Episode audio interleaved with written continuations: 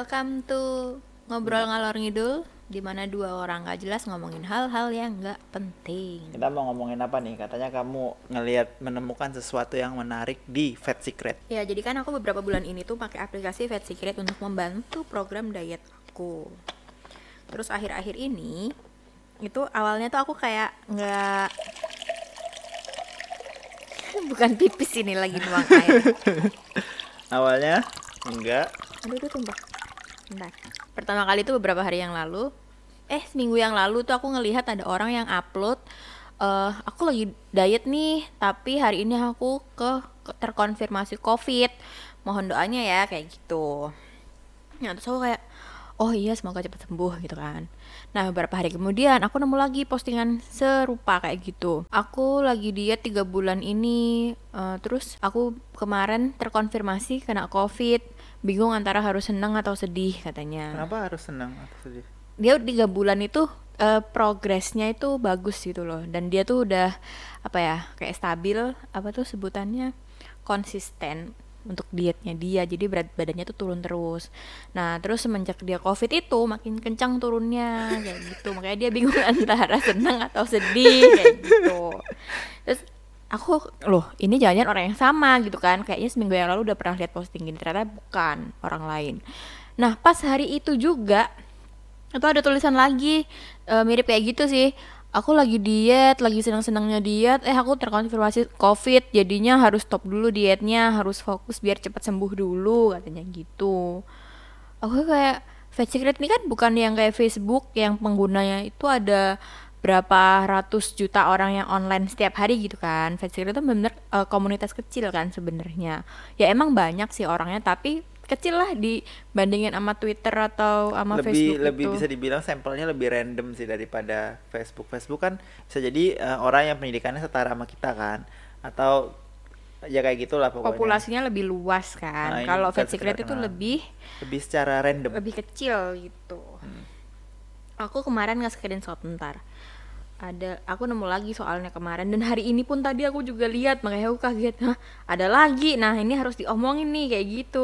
Kayak betapa luasnya sebenarnya penyebaran covid itu sekarang gitu kan di negara kita. Sampai-sampai eh, komunitas sekecil Fat Secret aja itu udah banyak banget ternyata yang positif gitu Nih, jadi aku udah hampir dua minggu nggak defkal gara-gara positif covid. Makan banyak tapi berat badan turun terus.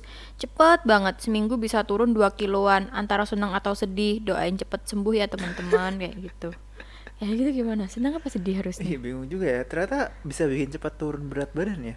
Kok gitu sih? Mungkin dia makannya nggak Oh, sebanyak biasanya kali. Bisa jadi kan diare, ada itu kan. Nah, ada Oh. efeknya ada diare juga. Jadi emang makanannya nggak keserap ya, Iya, langsung lewat heeh. keluar gitu aja ya. kan salah satu apa namanya? Ciri-cirinya kan diare. Simptomnya. Oh gitu. Iya. Ada orang yang kena diare, ada yang enggak. Ya kan beda-beda banget sih Iya. efeknya. Nah, terus ini ada lagi. Hari ini didiagnos COVID-19, rasanya hancur berkeping-keping. Stop diet dulu, fokus sama recovery. Teman-teman Fat Secret, stay safe semua ya, gitu. Itu yang confirm. Terus ini orang lain lagi. Sedih banget, baru aja berat turun ke 67, tapi dapat kabar kalau aku positif COVID. Alhasil diet harus ditunda dulu, nggak masalah sih, tapi sedih aja gitu. Minta doanya ya teman-teman, semoga aku cepat sembuh dan negatif, jadi bisa kumpul sama keluarga lagi. Hmm. Terus ada lagi nih yang terbaru banget tadi. Jadi yang udah turun 16 kilo, makin abis nih badan karena COVID-19 gitu. Terus yang terbaru banget itu dia belum confirm, tapi dia ngomong gini. Mau curhat nih, udah kurang lebih enam hari ngalamin nggak bisa nyium bau, nggak bisa ngerasain makanan sama sekali. Awal-awalnya kena flu, terus jadi nggak bisa ngerasain apa-apa satu keluarga gitu. Tapi papa sama mama udah bisa ngerasain makanan setelah kurang lebih dua minggu lebih nggak bisa ngerasain apa-apa atau nyium bau. Ada yang sama nggak sih? Soalnya di tempatku tuh banyak banget orang yang ngalamin hal yang sama. Nggak tahu ini covid apa enggak. Tapi mama sama papaku nggak ada demam atau sesak dada atau nafas. Ada yang sama nggak sih? Jujur sih rada parno sama covid. Tapi nggak ada gejala lain seperti sesak nafas atau demam. Stres juga sih stres juga sih nggak bisa nyium atau ngerasain makanan yang sama ngumpul hayu katanya gitu Terus di bawah-bawah gimana komennya ngumpul itu? Nah, terus yang bikin aku kaget itu aku baca komentarnya. Nih, Kak, COVID kayaknya coba swab PCR, Kak. Terus ada lagi, Mama, Papa juga kayak gitu, tapi sembuh sendiri kok. Aduh, jadi makin parno nih gitu. Terus ada yang bilang, kemungkinan COVID kak lebih baik di swab aja. Nah, terus ada lagi yang bilang, mamaku juga gitu, nggak bisa nyium dan ngerasain makanan. Nyium parfum yang nyengat aja itu dia nggak kecium. Kalau kata mamaku kayaknya kena COVID, soalnya mama aku setiap hari pergi jualan di pasar, yang pasti interaksi sama pelanggan. Tapi karena metabolismenya bagus, jadi nggak ada gejala sesak napas, demam dan segala macam. Cuma indera perasa dan penciumnya aja yang nggak berfungsi. Akhirnya kata mama kita nggak boleh pakai gelas yang sama atau sendok yang sama. Terus mama rutin minum vitamin sama minyak kayu putih yang dilarutin ke air. Sekarang udah bisa ngerasain lagi udah normal gitu sih kalau mama aku. Tapi gimana ya untuk self medication kayak gini kok aku sangat pro ya. Iya sih, toh itu resiko dia sendiri yang Iya. nanggung dan kalau ternyata sembuh ya wes lah kayak gitu kan. Sekarang kita juga mau berharap ke rumah sakit Nakes, juga ya, susah kan bener. karena mereka juga udah kepenuhan sama yang parah-parah. Nah, ini kan orang-orang kayak OTG ya anggapannya ya, mereka nggak sesek, nggak panas nggak gitu. tanpa gejala sih, kayak jelas-jelas ada Gejala gejalanya. itu sih, heeh. cuman ya kayaknya bagi mereka tuh nggak life threatening, jadi kayak nggak perlu ke rumah sakit Iya, gitu sih. mungkin lebih life threatening bagi mereka kalau mereka nggak bisa kerja karena harus Ah, di rumah iya. sakit kayak gitu. Apalagi kalau masuk rumah sakit Yang serem ya ini dia jualan di pasar, berarti dia tetap jualan di pasar, berarti yang beli gimana? Ya aku aneh kok, yang nggak dibolehin itu gelas sama sendok itu bukannya apa TBC ya? hepatitis. Eh, itu bu- hepatitis. Iya hepatitis heeh. ya. Kan kalau covid nggak gitu kan? Iya ya emang nggak boleh juga kan Iya. kena liurnya gitu kan? Tapi kan Kan cuci. kan lebih parah kan ini kan masker Iya, harus masker kan? masker. Eh, Dia nggak ketularan sama sekali berarti ini. Nah nggak tahu bisa Uh, jadi dia ya. OTG bisa jadi Bisa kita nggak tahu. OTG beneran 100% OTG yang bener-bener nggak punya itu nggak ada simptomnya sama sekali dan dia tetap nularin ke teman-teman sekolahnya juga bisa. Aku juga kemarin tuh sempet tadi pagi apa kemarin? Kemarin aku sempat lihat yang Dewi Persik itu loh. Hmm. Dewi Persik dia eh, update kalau dia tuh baru sembuh dari COVID dan setelah sembuh itu ternyata mukanya tuh banyak bintik-bintik merahnya gitu kan. Hmm. Seorang orang pada komen di bawah bilang bukan COVID tuh biduran. Hmm. Padahal dia pasti dia just ceknya ke dokter kan, nggak nggak dia self diagnose gitu. Mm-mm. Terus ada yang komen. Dari beberapa postingan seleb yang kena covid emang kayak flu biasa tapi mereka nggak nyium bau tuh terus ada yang nanya eh terus ada yang bilang gejalanya kayak covid yang OTG banyak makan yang bernutrisi aja gitu oke terus ini dia juga eh keponakan aku positif covid nggak bisa nyium bau apa apa tapi kondisi badannya sehat kak cuma nggak bisa nyium aja banyakin konsumsi kaldu tulang sup vitamin C kalaupun nggak mau tes minimalisir keluar rumah dan hindari kerumunan ya kak dia bilang gitu. Terus aku kan berarti kan ini udah ada berapa orang nih? Ada satu dua tiga ya? So far ada tiga orang kan yang punya pengalaman yang sama Terus ini ada lagi nih komen keempat. Iya kayak covid, kami sekeluarga juga begitu dan emang positif. Alhamdulillah cuma OTG dan sekarang udah selesai isomannya. Isolasi mandiri aja kan 14 hari dari gejala awal muncul untuk mencegah penyebarannya. Terus olahraga, berjemur dan makan bernutrisi dan yang pasti harus positive thinking ya kak. Gitu. Ini berarti udah empat orang. Terus ini komen Sekeluarga- kelima. sekeluarga gitu serem juga ya. Aku juga kemarin habis demam dua hari dua malam setelah itu indera penciumanku hilang. Parno, stres iya karena nggak bisa menikmati makanan yang dimakan karena nggak ada rasa dan juga pikiranku udah ke mana-mana takut kena covid. Tapi alhamdulillah sekarang udah mulai membaik, udah bisa nyium bau walaupun belum 100%. Berarti kan udah berapa ini? 5 ya? Udah 5. Nah terus ini ada lagi. Kami sekeluarga awalnya nggak tahu tadi aktivitasnya normal-normal aja. Mana pas Natal kemarin banyak saudara yang datang ke rumah dan kami ngobrol biasa, nggak social distancing. Jujur kami sekeluarga takut sama swab karena udah banyak banget di sini yang gejalanya kayak gini. Aku belum bisa nyium bau sama sekali, tapi papa aku udah bisa walaupun belum 100%. Udah lama nggak nyium bau, udah dua mingguan tapi ini udah bisa lagi sih. Temanku juga gitu, dia rutin minum vitamin sama mandi air dingin, pokoknya bikin tubuh kebal aja. Alhasil satu minggu udah bisa nyium lagi. Aku belum bisa nyium bau sama sekali, tapi papa aku udah bisa. Oh diulang lagi aja. Berarti udah berapa orang? Lima ya? Tapi gimana ya, Ci? Kok serem ya? Maksudnya eh, orang-orang ini bisa self treatment self treatment sendiri Iya. terus ini nggak tercatat di angka-angka nggak tercatat di ini. angka yang ada di Indonesia itu kan karena mereka Iya. pada nggak mau swab Ha-ha, tes ha-ha. terus ya apa ini gimana berarti caranya angka yang di Indonesia tuh mestinya berapa gitu Iya, kan nah, terus gimana kalau dengan kita lihat kayak vaksin gini ya lama-lama obsolete lah ya gak kepake lagi iya nggak perlu karena orang-orang orang-orang udah, udah pada sembuh-sembuh sendiri iya terus ini ada yang keenam. Kaget banget bayangin ini kan komunitas kecil banget kan Fat Secret. Tapi ternyata yang komen bisa sebanyak ini gitu loh. Di tempatku juga banyak yang ngalamin kayak gitu. Minum vitamin daya tahan tubuh sama latih terus penciuman dengan minyak kayu putih. Kemarin aku coba air panas aku masukin beberapa tetes minyak kayu putih sama bawang putih. Aku geprek lalu aku hirup uapnya. Dia juga kena berarti? Heeh. Terus ini nyuruh swap, nyuruh swap. Nah ini ada lagi komen ke 7 Aku kemarin kayak gini selama tiga minggu nggak bisa ngerasa sama membau tiap pagi diminumin vitamin sama banyak minum air putih. Alhamdulillah udah mulai pulih. ini orang-orang pada super power banget Terus ya. ini yang nomor komen ke-8 Maaf ya kak, kayak E itu gejala covid sama kayak saya kemarin. Kemarin pas saya positif dibuat olahraga tipis-tipis Perbanyak buah dan sayur, minum yang banyak Hidung dikasih minyak kayu putih buat merangsang penciuman. Insya Allah nanti cepat pulih. Bayangin dari satu, satu postingan Yang umur postnya itu kayak baru 6 jam di satu media sosial Fat Secret yang bukan Twitter, bukan Facebook, berarti kan penggunanya nggak banyak gitu loh, maksudnya nggak nggak masif.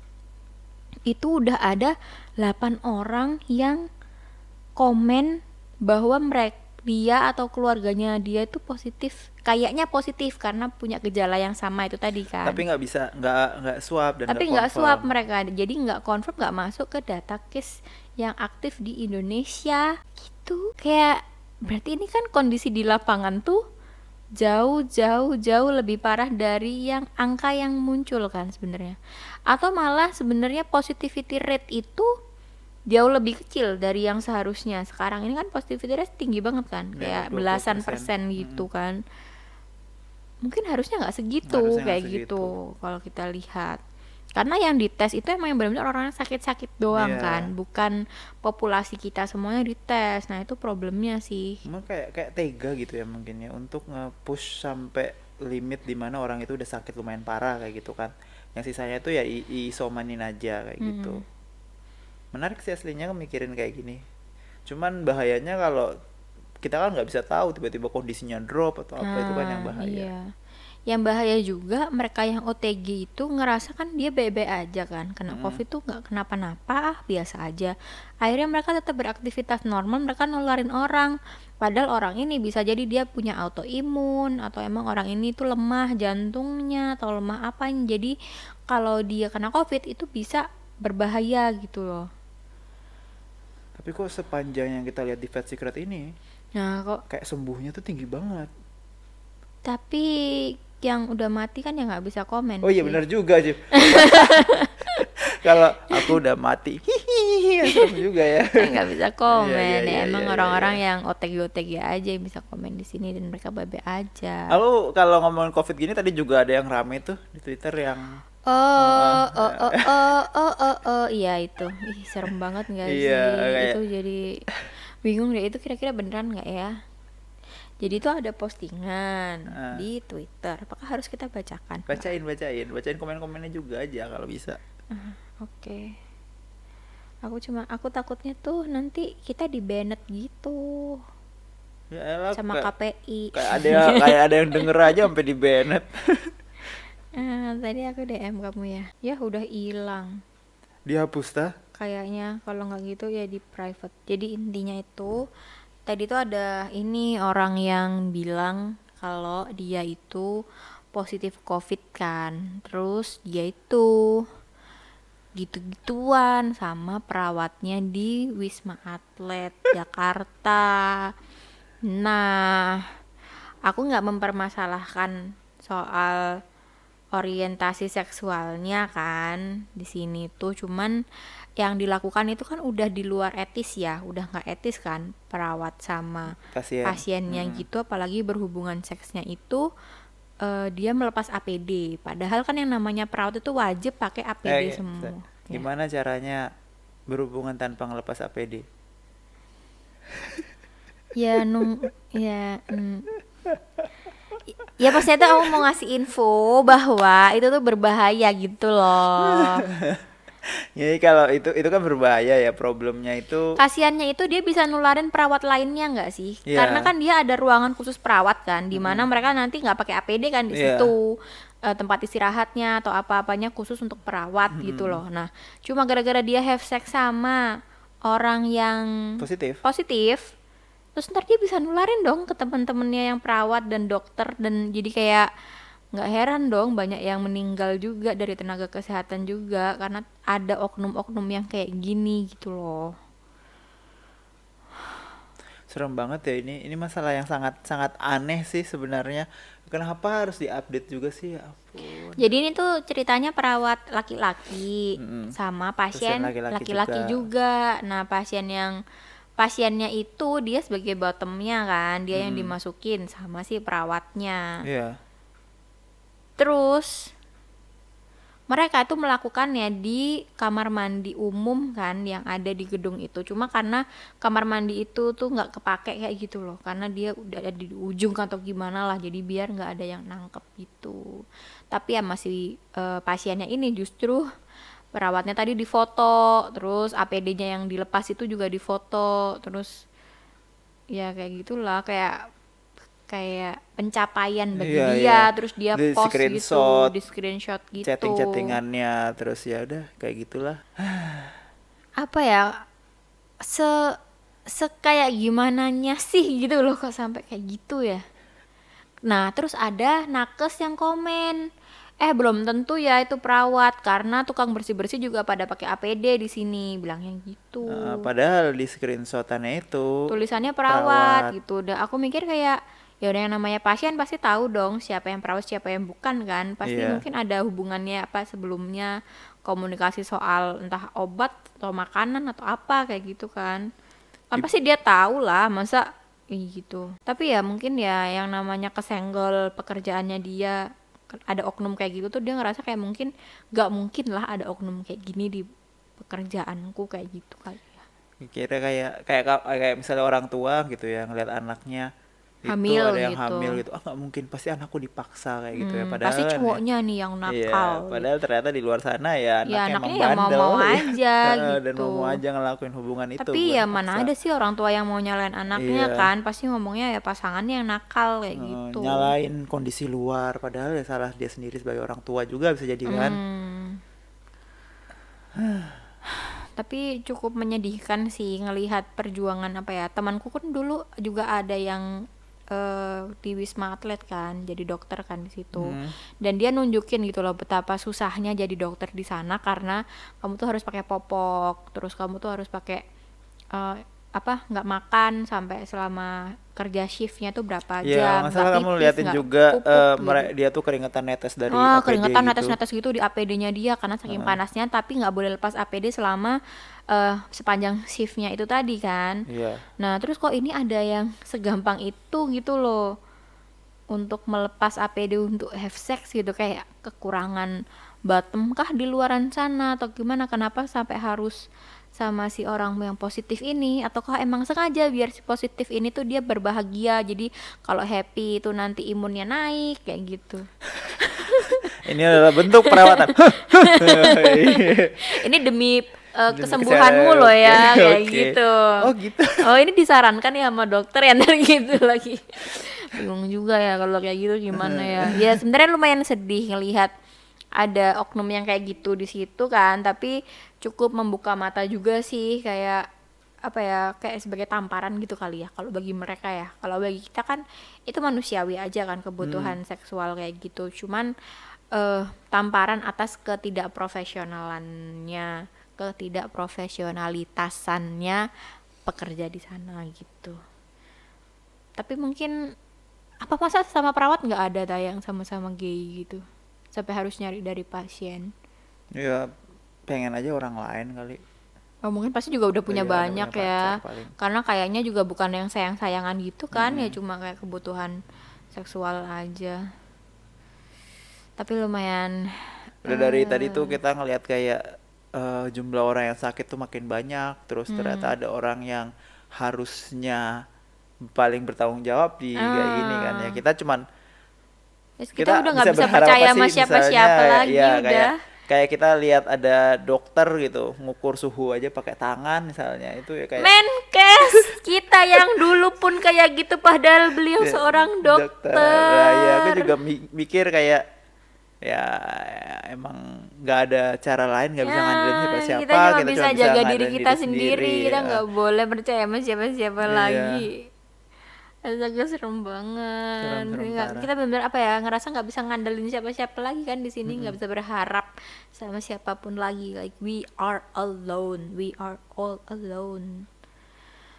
Dan ya bullshit lah yang ngomong-ngomong protokol kesehatan, protokol kesehatan tuh. oh kayak- lucu banget ya yang naik sepeda Nah, sepeda rame-rame Iya. terus bilangnya menurut WHO kalau berolahraga itu tidak boleh pakai masker kayak gitu. Ya, kenapa? terus dia foto-foto gitu nggak pakai masker lah. Lu emang lagi sepedaan kan kagak kan lagi foto-foto gitu loh. Kalau emang sepedaan doang nggak pakai masker ya ya udah monggo misalkan kayak gitu Iya. lah ya. Tapi dia berhenti dari sepeda turun tuh terus jajar-jajar foto-foto nggak usah bawa-bawa nama WHO bilang aja lu males pakai masker gampang gitu. Ada Kenapa juga harus mikir, bawa-bawa WHO? mikirnya Udah. gimana sih kamu sepedahannya kayaknya cuma santai-santai aja nggak 70 km per jam kayak Tour de France atau uh, kayak di velodrome gitu Iya ya nggak high ya. intensity gitu eh, juga, cuma cuma wawa wiwi wawa wiwi sore sore sepeda- aku beli sepeda mahal ini lihat aku beli sepeda mahal kayak gitu Terus gitu gowe kan, satu iya. kilometer ye duduk foto-foto kayak Iya. gitu. Apaan sih anjir kesel banget liatnya terus akhirnya positif sekeluarga besoknya. Dan banyak yang kayak gitu. Dan apa ya? Ya aku nggak bilang syukurin loh bukan kayak gitu ya. Aku cuma mau ngasih tahu ya cepet sembuh aja lah. Tapi ya jangan kayak gitu lagi ya kayak gitu loh. Banget. aku nggak aku nggak nggak mau nyembahin ya cuma kesel tapi liatnya tuh apa ya banyak orang-orang yang kayak gitu ngomongin soal boleh sama WHO ya bilang aja males kelar aku orang dewasa yang tidak mau pakai masker titik gitu. Own it gitu loh nggak usah pakai kata WHO kayak gitu. Kesel nggak sih dengernya? Kayak ada backingannya gitu ya. Aku lari tetap pakai masker kenapa bisa? Ya karena larinya aku pelanin kalau aku larinya intensnya kayak biasanya nggak bakal kuat nafas pakai masker. Nah itu. Poinnya di situ. Kamu ngimbangin kemampuanmu kalau pakai masker itu seberapa Iya. kayak gitu. Bukan sebaliknya. Bukan yang kamu maksimalin Di terus jadi nggak pakai apa, masker. eh, tahun ini tuh bukan tahun aku untuk mecahin rekor lari Iya, ya. bener. atau tahun kamu di mana kamu mecahin rekor sepeda kayak gitu enggak ini tahun di mana kamu Survive. aja cukup kayak gitu Iya, just just coming out alive itu udah sebuah prestasi banget di tahun ini. nggak usah sok-sokan yang kayak apa. Malah menurutku ya lebih baik nggak usah olahraga daripada kamu tuh maksain olahraga harus buka masker gitu loh. Padahal rame-rame gitu kan. Orang kita yang cuma berdua aja kadang-kadang gitu kan tetap selalu pakai masker kan. Jadi kesel juga sih sama yang kayak gitu. Ya banyak lah pokoknya hal-hal yang orang-orang yang ya. ngomong protokol kesehatan itu loh Jelas-jelas lu datang ke kawinan yang di mana tuh ada ratusan orang di situ. Protokol kesehatan dari mananya?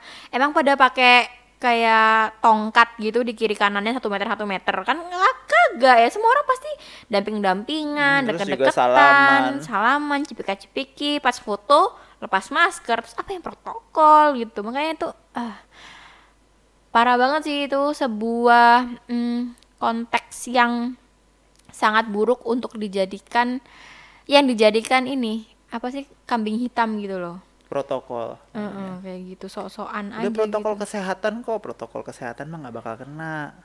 Hmm bener gimana caranya kamu bisa kena kalau kamu jaga jarak kayak 2 meter? Iya kan gitu nggak dari mungkin orang. kena Nggak splitnya orang kayak gitu. Gimana caranya kamu mau kena kalau kamu jarak 2 meter plus pakai masker? Hmm. gimana caranya kamu kena? Kalau kamu pakai masker jarak 2 meter dan kamu selalu cuci tangan kayak gitu. Iya. Tapi kamu kena berarti enggak. Iya. berarti kamu tidak menjalankan kayak gitu kan? Aku tahu ini kayak chance gitu. Mungkin aja kena mungkin aja kena kayak gitu. Ya emang mungkin. Cuman makin selim makin kecil kecil banget. Dan kemungkinan kamu untuk mendapatkan kemungkinan yang sangat kecil tuh kalau nggak kamu sial banget ya nggak mungkin. Iya. Kecuali kamu emang membesarkan kemungkinan itu dengan cara misalnya kumpul-kumpul tetap rame. Terus juga Hmm. lepas masker waktu masker, kumpul-kumpul. terus makan bareng. Terus pokoknya itu memperbesar chance-nya lah. Dan aku tuh ya apa ya kok egois banget itu loh orang-orang yang bisa dengan gampangnya hidupnya kayak gitu gitu. Padahal orang-orang itu mungkin mereka mungkin mereka tuh nggak nggak nggak mau jaga diri. Tapi orang-orang yang sayang sama mereka kalau kehilangan itu lo kan kasihan juga gitu kan kayak misalnya kamu punya seorang adik nah adikmu tuh nggak jaga diri dia tuh sakar PDW lah nggak pakai masker ke mana-mana terus kalau dia mati kan yang sedih kan kamu gitu loh maksudku jadi si adiknya tuh mestinya sadar diri dong ada orang yang sayang sama dia ya harusnya dia itu bisa menjaga semaksimal mungkin kan supaya orang yang sayang sama dia tuh nggak sedih Nah, gitu. itu. Karena ketika kamu mati, ya udah it's done for you. But it's still ongoing for the others that love you gitu. Jadi malah bakal jauh lebih menyiksa orang-orang di sekitarnya dibandingkan si yang mati ini sendiri. Dan apa ya, kalau matinya itu emang karena eh, sesuatu yang kita bisa ah kalau misalnya udah nikmatin hidup lah udah sampai tua kayak gitu dan kamu udah berusaha semaksimal mungkin kayak gitu untuk kan stay alive, untuk stay healthy, ya it's okay gitu kan. Jadi nggak ada penyesalan. Mm. Tapi kalau misalnya itu hanya karena hal yang bisa kita cegah sebenarnya dengan cara kayak ngurung diri dan meminimalisir bla bla bla bla bla itu tadi, kan would be much better nggak sih kalau misalnya kita ngelakuin itu supaya kita tetap stay alive gitu. Oke, kayak kata-kata stay alive tuh aslinya di, dimusuhin sih sama orang-orang. Aku waktu itu juga pernah ditanya orang kan, Nero kenapa sih kamu tuh kalau bawa motor tuh pelan-pelan? "Ah, takut mati kayak gitu. Terus diketawain Ketawain. ya kayak itu hal yang silly, you Iya. silly dog kayak gitu. Padahal itu bener kan kita Aku tuh takut banget jujur. mati kalau gara-gara apalagi misalnya gini, aku pengen nonton suatu film-film Marvel lah anggap, terus bikin aku kebut-kebutan di jalan terus aku mati kayak gitu ya. Kenapa? Aku harus mati demi film yang bisa aku tonton lagi besok misalnya Ya. atau tambah misalnya jadwal nanti malamnya gitu kan. And we learned that the hard way gak sih? Iya. Aku dulu juga waktu awal-awal bisa naik motor juga tuh kayak kebut-kebut gitu kan. Dan aku berkali-kali banget tuh jatuh. Dan ya nggak mati sih. Cuman could be worse than that gitu. Emang waktu itu cuma bancel-bancel doang tapi bisa jadi mati kalau emang takdirnya mati kayak gitu kan. Tapi kalau misalnya bisa untuk dicegah dengan naik motor itu kayak Santai. santai aja kayak gitu loh. Kamu nggak nggak nggak akan bisa mengubah apa-apa dalam lima menit ke depan. Gara-gara kamu ngebut itu nggak. Nggak akan ada yang berubah. Kamu waktunya telat. Ya bakal telat aja telatnya dihadapin aja. Kayak eh telat ya? Ah iya. Udah kayak gitu gak sih? Daripada kamu nggak bisa masuk kantor gara-gara mati gitu Iya, kan. lebih baik kamu nggak masuk kantor gara-gara telat kayak gitu Iya. kan ya. Waktu itu juga kelas gara-gara soalnya itu serem banget tuh temennya omku kerja di Pemkot kan. Terus dia tuh udah kayak jadi tulang punggung keluarga gitu karena orang tuanya udah tua banget. Nah dia tuh eh, ini berangkatnya tiap subuh karena jaraknya dua jam dari Pemkot. Nah dia berangkatnya subuh itu ngebut gara-gara waktu itu disuruh masuknya jam 5 What? gitu karena masih ini loh apa namanya tuh Oh, yang pelatihan-pelatihan pelatihan itu, pelatihan tahun ah. pertama itu kan ngebut banget terus akhirnya kecelakaan di jalan meninggal. Terus orang tuanya ya udah udah nggak ada yang ngurus lagi berarti kan. Terus kayak aku tuh mikir Hah, coba pelan aja, coba dia mau datang telat tuh nggak apa-apa diimbris aja. Dan misalnya dapat apa surat peringatan atau dimarahin atau diapain atau buruk-buruknya dipecat misalnya. Ya diimbris aja gitu. Dan ya ya semoga Allah nanti kasih aku rezeki lagi mungkin ada kerjaan lain terus biar tetap bisa menghidupi ibu Orang dan tuanya. bapak gitu dibandingkan harus kayak gitu mati ortunya siapa yang ngurus sekarang Orang-orang lupa kalau nyawanya mereka tuh ya emang punya dia sih, hak-hak dia mau gimana. Cuman banyak banget yang bergantung dari situ, dari yang s- bergantung secara finansial Hmm. atau, secara perasaan aja iya. ha, emosionalnya gitu jadi kalau ada keberadaanmu tuh bikin perasaan orang yang sayang sama kamu tuh lebih bahagia aja gitu tahu that that you are okay kayak gitu Mm, kan Ya ini sekedar cuman ngingetin sih untuk stay safe. kalau dan- bisa itu ya tetap harus menjaga banget kurang-kurangin yang happy happynya eh happy happynya yang dalam artian itu ngumpul-ngumpul sama orang banyak Hmm. kayak gitu makan-makan segala macem ya emang itu resiko resiko sih cuman kasihan aja orang-orang yang sayang sama kamu. Karena walaupun kamu ngerasa kamu tuh sendirian atau nggak dipeduliin atau nggak ada yang sayang sama kamu tapi sebenarnya tuh pasti ada minimal satu orang yang eh, sangat dipengaruhi sama keberadaanmu tuh secara emosional atau secara yang lain-lainnya juga. Kayak sekarang aja misalnya Nero kenapa-napa ya kasihan kucing-kucing di ITS kan orang tiap kali kita ke sana mereka selalu ngumpul ada 10 biji gitu.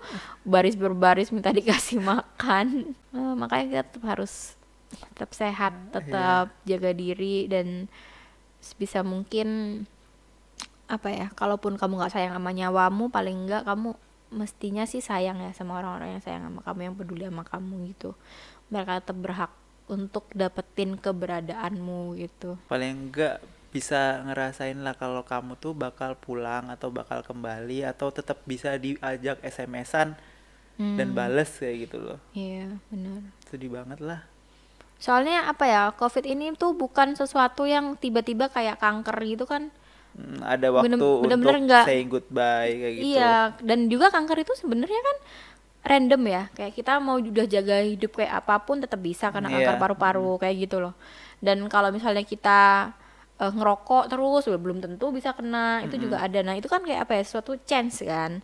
Tapi kalau Covid ini kan emang menular gitu, loh, sesuatu yang menular. Jadi kan kita bisa untuk mencegah penularannya gitu memperkecil loh. chance-nya Ya, kan bisa. memperkecil chance-nya gitu. sekecil-kecilnya Karena kalau kamu ngurung diri dalam kamar full, nggak mungkin sama sekali nggak mungkin soalnya nggak mungkin sama sekali buat ketularan kayak gitu loh. Ya udah kayak gitu sih. Kalau misalnya ketularan ya pasti ada satu hal deh yang kamu lakukan yang nggak seharusnya kamu lakukan kayak gitu. Makanya bisa mungkin tetap ya tapi ya jangan sampai kayak bener-bener harus apa ya berhenti kerja terus biar nggak punya duit buat makan juga nggak sampai kayak gitu juga sih. Cuman meminimalisir aja gitu. Karena bagi kamu mungkin hidup itu ya cuma hidup udah ada takdir udah di udah kelar itu udah tinggal jalanin doang. Tapi bisa jadi untuk orang lain itu hidupmu tuh ada hidupmu tuh sangat bermakna banget buat dia dan orang ini juga berharap banget supaya kamu itu tetap ada di dunia ini gitu.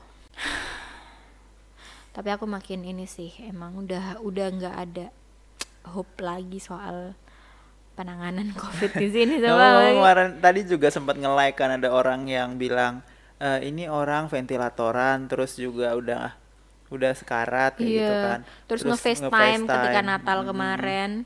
Dan nge-FaceTime keluarganya yang lagi kumpul-kumpul Iya. di rumahnya gitu. Kayak people just goes on with their life gitu loh. It doesn't change anything ya kayak kejadian yang kemarin tuh mama kan juga kena covid dan dan sampai nggak ada gitu kan. Terus malah kemarin itu tanteku sendiri tante omku tuh ngadain nikahan kayak gitu loh. Sehingga sekarang tanteku juga positif juga kan karena dia ngadain nikahan itu. Gitu kayak masa sih kematiannya mamaku tuh nggak bisa membuka hati kamu sehingga kamu nggak usah lah ngadain acara kumpul-kumpul? Mas kenapa sih kok nggak bisa menggerakkan hatimu biar percaya kalau covid itu bahaya dan kamu bisa ketularan? Kayak gitu loh. Kenapa kok tetap ngadain? Kayak gitu ya aku sedih sih. Aku sedih sebenarnya. Kalau ngelihat ibuku kan sendiri juga setiap hari di grup WhatsApp gitu ya nge-share nge-share tentang bahaya COVID, COVID tuh kayak gimana di Eropa atau COVID tuh A, B, C gitu. terus gimana pemerintahannya, Pemerintahannya, eh. nge-lockdown lah segala Iya. macam Eh, dia sendiri sekarang mau jalan-jalan ke Bangka, naik pesawat terus naik ya pesawat terus. Kadang-kadang emang yang bikin kita berat itu di Indonesia ini ya apa yang di mulut itu ya susah untuk disamain dengan apa yang bakal kita lakuin. Iya sih, mungkin ibu juga ngerasa kayak bye-bye aja kok, ibu nggak apa-apa, ibu udah berkali naik pesawat nggak apa-apa gitu. Tapi kan kita kita ini orang-orang yang sayang sama beliau ya, yang Mm, yang bakal yang pusing, ketar-ketir gitu loh. Aduh takut. nanti kalau kenapa-napa gimana, nanti kalau sakit gimana, kayak gitu. Nah makanya itu tadi balik lagi kayak yang tak omong dari Iya. awal kan. Kalau kamu ngerasa badanmu itu kayak ya udahlah udah ada takdirnya misalnya gitu kan. Tapi orang-orang di sekitarmu belum tentu mau dengan ikhlas menerima takdirmu gitu kan. Pasti tetap ada denial atau ada kayak gimana-gimana lah.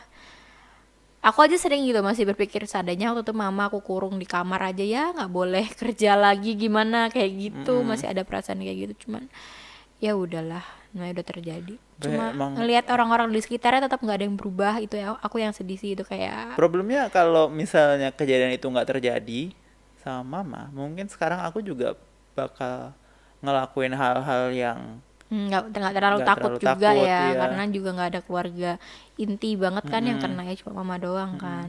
Dan sekarang ada tanteku sih. Kalau misalnya yang kena kan aku juga ada kan kayak ya tapi kan baru banget kan Pak Demu itu. Ya Pak Deku terus juga Mbak kayak di rumah. Ah, Mbak di rumah itu dan sembuh. Ya dan kayak dia tuh kayak Hah? gitu loh lagi." iya. Itu mungkin aku nggak bakal setakut itu. Hmm. dan de- betapa devastatingnya rasa kehilangan itu itu tidak sebanding dengan gain yang didapat dari ngumpul-ngumpul iya bener nggak worth it sama sekali makanya kayak jadi lebih ngehargain hidup Iya. Aku ngerasa kita tuh beda banget loh sama ibu-ibu gitu ya. Mereka tuh kan over takut di online kan kayak nge-share nge-share terus kayak gitu. Bahaya bahaya bahaya kayak gitu. Tapi di kehidupan sehari-hari tetap ke pasar, tetap ketemu tetangga. mama kan kayak gitu juga Mm-mm, tetap pengajian.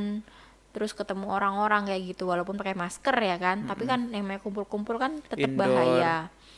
Nah itu tetap kayak gitu. Sedangkan kalau kita tuh kita di online tuh kita nggak nggak yang menakut-nakutin orang-orang kayak gitu kan.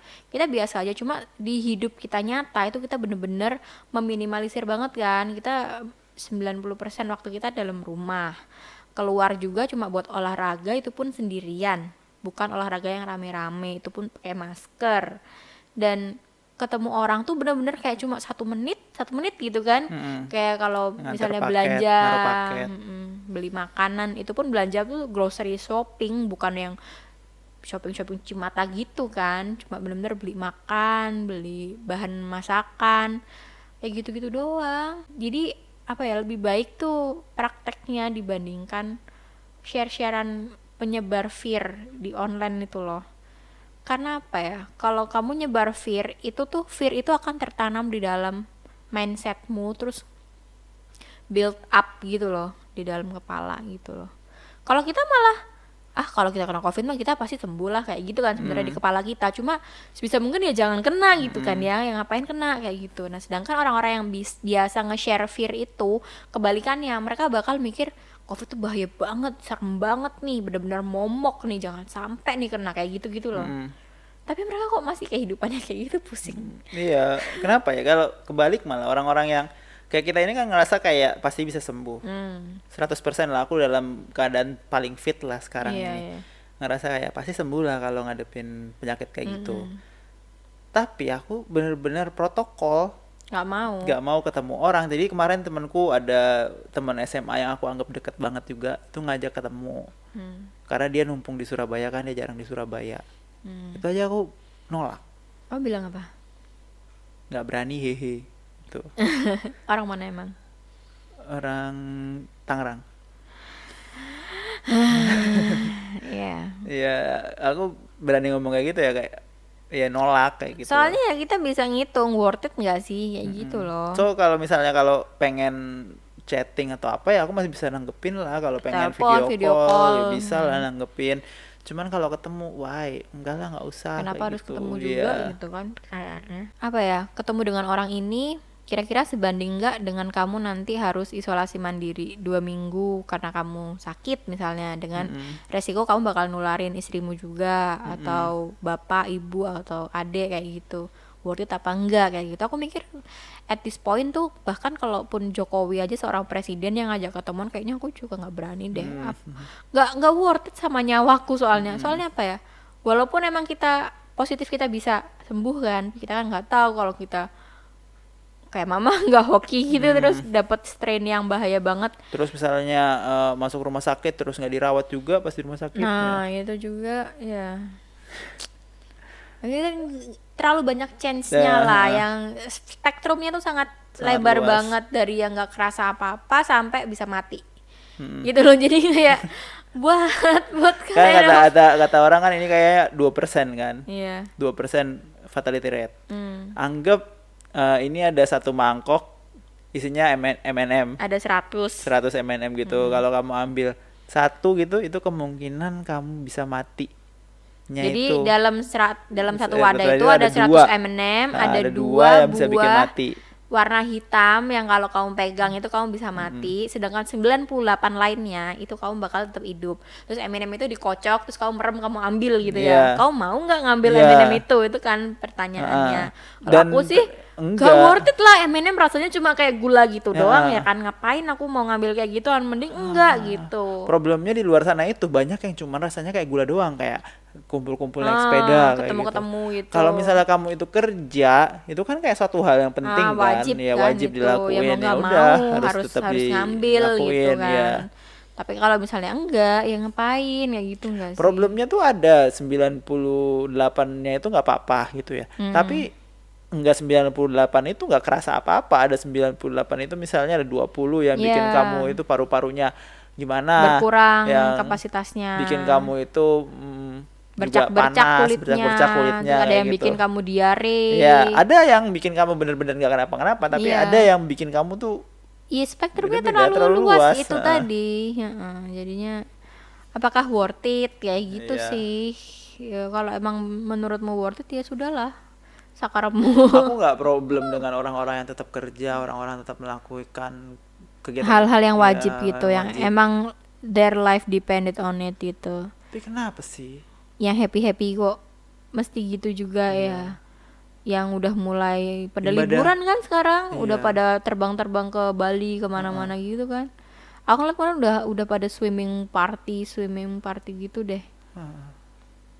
Ya emang emang benar kamu masuk ke Bali tuh butuh tes PCR kan tapi apakah orang Bali yang udah ada di Bali itu udah dites semua kan enggak kecuali kalau semua udah dites yang positif tuh dipindahin ke pulau lain kayak Jawa gitu ya, karena udah banyak juga. Iya, jadi yang di Bali cuma yang negatif doang tuh oke ya kan. Tapi Eh, kenyataannya kan enggak. enggak.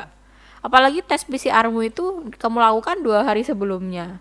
Selama dua hari itu kamu ketemu teman ABCD, terus ketemu pegawai bandara ABCD juga. Pegawai bandara yang ketemu ratusan orang. Ribuan orang tiap hari, yang kemungkinan besar malah mereka yang nularin ke orang-orang karena banyak kasusnya nih orang Indonesia terbang ke luar negeri bawa hasil tes negatif, pas nyampe di bandara sana dites positif semua. Waktu itu ada dari 140 TKW kalau nggak salah, itu 70-nya positif. Terus jemaah ke Arab juga umroh itu eh, kurang lebih sekitar 90% positif. Bayangin. Makanya di stop waktu itu umroh. Makanya kayak aduh se sepenting apa sih gitu loh kalau nggak life threatening banget nggak usah lah ngambil-ngambil M&M itu ya nggak sih Heeh. kalau aku sih gitu sih Aku mikirnya kayak jahat banget sih. Misalnya kamu kayak umroh gitu ya. Kalau misalnya kamu ke Taiwan itu kan, kerja itu kan kerja. Mm. umroh gitu loh. Kenapa sih kayak nganggap Egoisme Tuhan itu kan bedain itu. kamu ibadah di dalam rumahmu sama ibadah, di sana padahal di sana tuh life threatening kan. Kamu Iya. membahayakan nyawa orang lain bahkan bukan cuma nyawamu doang. Masa nggak bisa nunggu sih besok bulan depan nunggu habis divaksin atau gimana gitu loh. Kok egois banget gitu. Belum lagi kalau pemberangkatan umrohnya kita tahu kan kalau di sini kan di daerah-daerah pengajian pengajian gitu. Aduh diantar-anterin. Ya sejujurnya sih udah nggak ada apa ya, udah nggak bisa berkata-kata sih kita sebenarnya dalam hal harapan atas. Dia cuman pengen ngingetin kayak kalau kamu anggap kamu udah protokol, coba lihat lagi. Hmm, coba pikirkan protokol apa lagi. bukan kayak Iya. gitu. Bener. Okay, I think that's all from us for today. So have a good day and live your life. Stay healthy paling nggak sampai tanggal 31 Desember 2020. Bye bye 2020. Ketemu 2021. Dan lebih serem kayaknya. Bye bye.